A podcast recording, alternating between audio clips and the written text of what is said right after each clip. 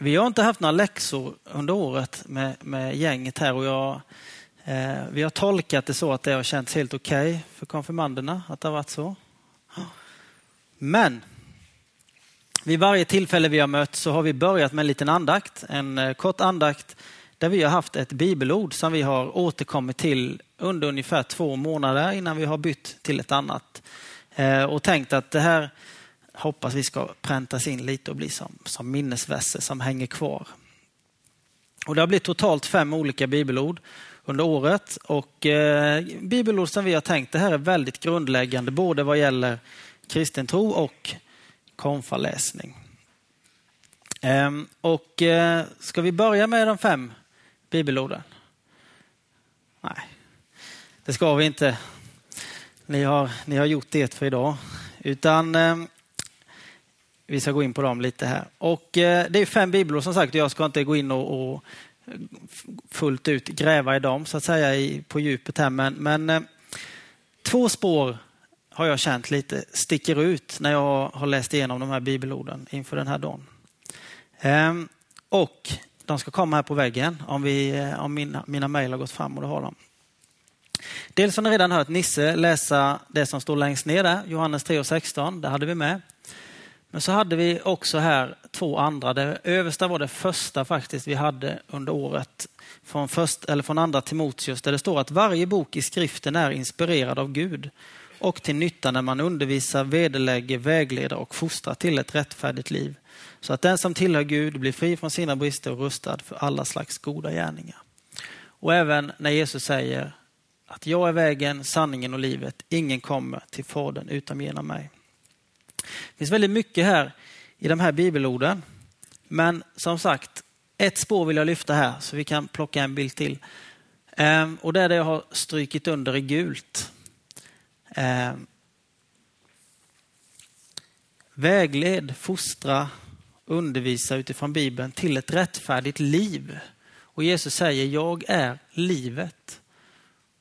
Och från inledningsordet där hörde vi om Jesus, att han kom för att vi inte ska gå under utan ha evigt liv. Så det är första punkten här, första spåret, att det handlar om ett liv. Ehm, och det är så, vi har gått igenom, vi har träffats många gånger under året och vi har suttit och eh, pratat och jag och Evert har undervisat och, och sådär. Och vi har haft gäster ibland som har pratat. Ehm, och det har varit mycket liksom teori under det här året. Mycket, mycket kunskap och, och sådär. Och det fick vi ett bevis på innan att ni har ju, ni har ju lärt er det ni ska. Full pott. Eh, men läser man de här bibelorden så tänker jag att det verkar handla om mycket mer än bara teoretisk kunskap, det här med kristen tro. Nu är det givetvis inte så att det är fel att ha teoretisk kunskap. Självklart inte. Vi hade ju givetvis inte haft någon konfa-läsning om vi inte hade trott att det var viktigt med den teoretiska kunskapen.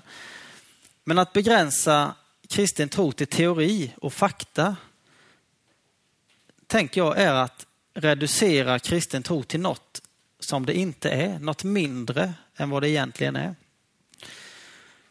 Och Nästa år fyller ni 16 och körkortet börjar hägra lite, ni får börja övningsköra och sådär. Och jag tänk, tänkte lite så här, att, att bara göra kristen tro till teori och fakta och kunskap, det är lite som att aldrig komma vidare från det här med körkortssträvandet eh, och komma förbi teorin. Att bara stanna där liksom vid att plugga teori, sitta på körskolan och plugga. På min tid var det permar, nu antar jag att det är datorer inblandat i det. Men att bara sitta där och nöta in fakta. Liksom. Hur ska jag göra i den situationen? Vad betyder de vägskyltarna? Och så vidare. Och liksom stanna där och att aldrig ens komma ut och övningsköra eller upp, köra upp. Helt enkelt aldrig komma fram till körkortet. För teori och praktik ihop, tänker jag, ger helheten, inte var och en för sig. Givetvis är körkortsteorin oerhört viktig och grundläggande för varje bilförare. Men utan att komma fram till att ge sig ut och köra bil så blir det lite halvt kan jag känna. Det liksom når inte hela vägen på något sätt. Och blir ju dessutom ganska torrt och tråkigt. När man liksom aldrig får, får komma ja, in i praktiken, aldrig får uppleva det. Och så tänker vi med konfundervisningen och för den delen kristen tro överhuvudtaget. Att blir det bara teori, tänker vi att det bara är teori, då blir det halvt. Vi kommer liksom inte hela vägen som det var tänkt. Så därför är ju konfundervisningen jätteviktig, men i sig själv inte fullständig. Hur blir då teori till praktik? Hur blir teori till liv när vi talar kristen tro? Jag tänker som Magnus Malm, en författare som jag och Evert eh, ofta både läser och citerar från, eh, från talarstolen när vi predikar. Ehm, och där han säger så här i en av sina böcker att kristen tro är i biblisk mening inget annat än det utrymme som vi i praktiken ger åt Guds inflytande i våra liv. Alltså tro är i biblisk mening inget annat än det utrymme vi i praktiken ger åt Guds inflytande i våra liv. Alltså det är något mer än att bara veta, att bara lära sig och kunna en massa. Det är att ge det utrymme. För det är ju så någonting får utrymme hos oss. Att vi lyssnar, vi lär och vi följer efter. Och på något sätt får det som jag har lärt mig att bli det som driver mig i mitt liv. Att det får genomslag där. Och Guds ledning då, eller teorin, givetvis får vi den genom Bibeln. Genom att läsa vår Bibel, genom att lyssna till förkunnelse från Bibeln och så vidare. Studera Bibeln. Och i bönen, att be enskilt för sig själv men också när vi möts gemensamt så här. Och vi möter Guds teori, om man kan säga så, Guds kunskap om Gud i gudstjänsten när vi möts. Vi har fått lyssna till musik och sång och det är också delar i det här med att lära sig liksom, och, möta, och möta Gud helt enkelt. Så att ge Gud utrymme i våra liv med det vi lär oss, med det vi tar in, med det vi så att säga lär oss i teorin, att det också får genomslag i praktiken, i livet. Det är vad det handlar om när vi talar kristen tro. Och det här livet då, det är inte heller bara begränsat av den här tiden som vi har på jorden. Vi hörde från Johannes 3 och 16 att Jesus kom för att ge oss ett evigt liv. Alltså ett liv tillsammans med Gud, även när detta livet på jorden är slut. I evigheten, i himlen. Och egentligen så är det det största av allt med det här livet. Att få dela evigheten med Gud.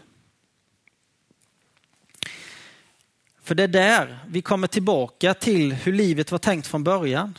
Evert talade lite innan om syndafall och skapelse och, och att människan och Gud, Gud delades åt. För Guds plan från början, det var liksom en perfekt tillvaro.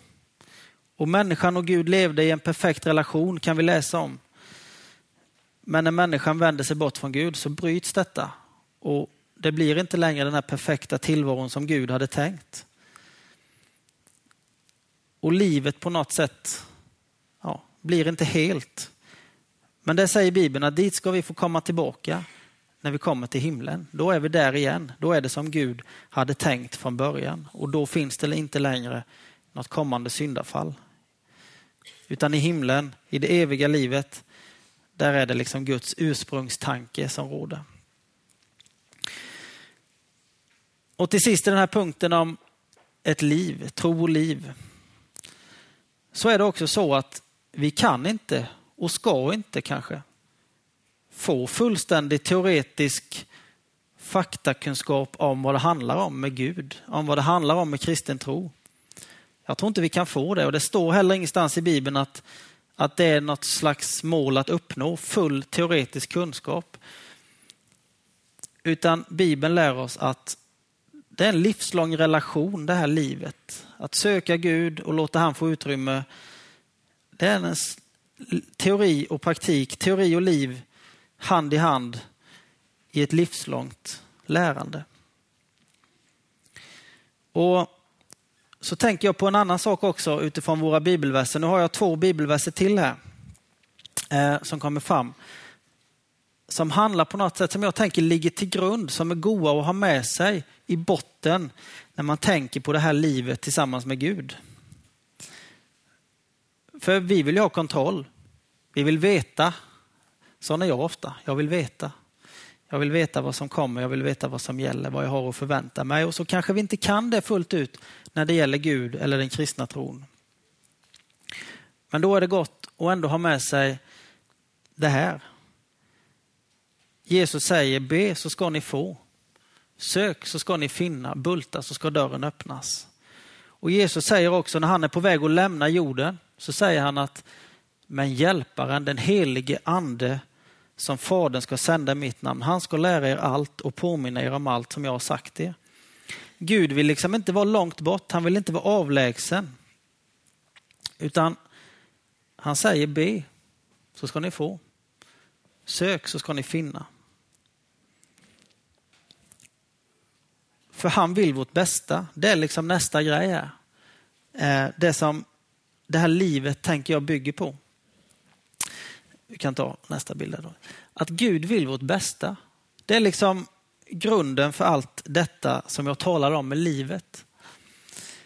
Och För det står, det bibelordet där det står be så ska ni få. Fortsätter man läsa i det sammanhanget så säger Jesus så här. Att ni människor som inte är alltigenom goda, för det är vi ju inte någon av oss. Vi har ju Eh, tillfällen när vi kanske väljer det vi inte borde. Men så säger han så här, ni människor som inte alltid är genom goda då, till skillnad från Gud. Ni förstår ändå att ge era barn goda saker när de ber er om det. Och så avslutar han så här, ska då inte er fader i himlen ge det som är gott åt den som ber honom? Liksom, som en självklarhet. Vi fattar att ge våra barn det som är gott. Hur mycket mer ska då inte Gud som är alltigenom god och som vill det bästa för oss, hur mycket mer ska inte han då ge oss det som är gott när vi ber honom om det? Och i det här liksom paketet med att Gud vill vårt bästa så har han gett oss just bönen och anden som de här två bibelorden talar om som resurser eller som förmåner. Anden berättade Alma för oss, det är Gud i oss. Det är liksom Guds närvaro i varje troende som en hjälpare som vill hjälpa oss på olika sätt. Bland annat hörde vi om att han vill lära och påminna oss om det vi har lärt oss. Men också, om man läser i Bibeln ser vi att anden vill vägleda, han vill liksom utrusta, han vill styrka och mycket, mycket mer. Han vill vara en riktig hjälpare. Och Jesus säger själv i det som kallas hans avskedstal, när han berättar för lärjungarna, snart finns jag inte längre hos er, så säger han också att det är bättre för er att jag lämnar jorden. För annars kommer inte anden, säger han. Som andra ord, det är liksom också det för vårt bästa att Gud har gett oss anden. Att liksom ha med oss i livet. Och så bönen. Bön innefattar mycket och jag ska inte gå in på allt. Men det här med bön innehåller om att få be Gud om ledning, om att få be Gud om hjälp och att även få ge våra önskemål till Gud. Vi får säga till Gud vad vi önskar, liksom, vad vi vill. Och när vi gör det så lyssnar Gud alltid och svarar alltid. Kanske inte alltid det liksom blir som jag tänkte, som jag bad. Men jag tror att det är för att Gud har en större bild än vi. Han ser hela bilden och därför vet han också bättre vad som är bäst i just den situationen.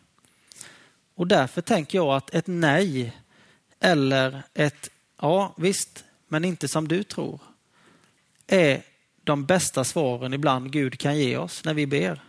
Kanske känns det inte så när nejet kommer eller det blir på ett annat sätt, men i det långa loppet är jag övertygad om att Gud hade en större bild när han gav oss det svaret han gav oss. Så trots att vi inte kan nå full kunskap om Gud rent teoretiskt och liksom få fulla garantier för hur allting kommer bli om vi väljer att ge Gud utrymme i våra liv, så vilar ändå den kristna tron, det kristna livet med Gud på goda grunder. För Gud vill alltid vårt bästa. Eh, och liksom för att sammanfatta ihop det här med, i en mening då, eh, så vill den här predikan handla om ett liv där Gud vill vårt bästa. Det är det kristen tro handlar om. Inte i första hand en massa teori, fakta och så. Det är jätteviktigt, men kommer vi inte till livet, ja, då är det lite som att bara stanna och läsa körkortsteori och aldrig få sitt körkort i handen. Och till sist, vägen hit fick vi också ett av de här bibelorden. När Jesus säger jag är vägen, sanningen och livet. Ingen kommer till Fadern utom genom mig. Jessica sa att det viktigaste med Jesu liv det var att han dog och uppstod. Och Olivia och Rickard fyllde på där med vad döden och uppståndelsen betydde. Och det handlar ju om att ge oss möjligheten till det här livet i grund och botten. Det är ingenting vi kan förtjäna, prestera för att få, utan det får vi bara ta emot genom att tro och bekänna att Jesus är Guds son och att han kom för att dö och uppstå för oss. Det är liksom vägen till det här livet. Amen.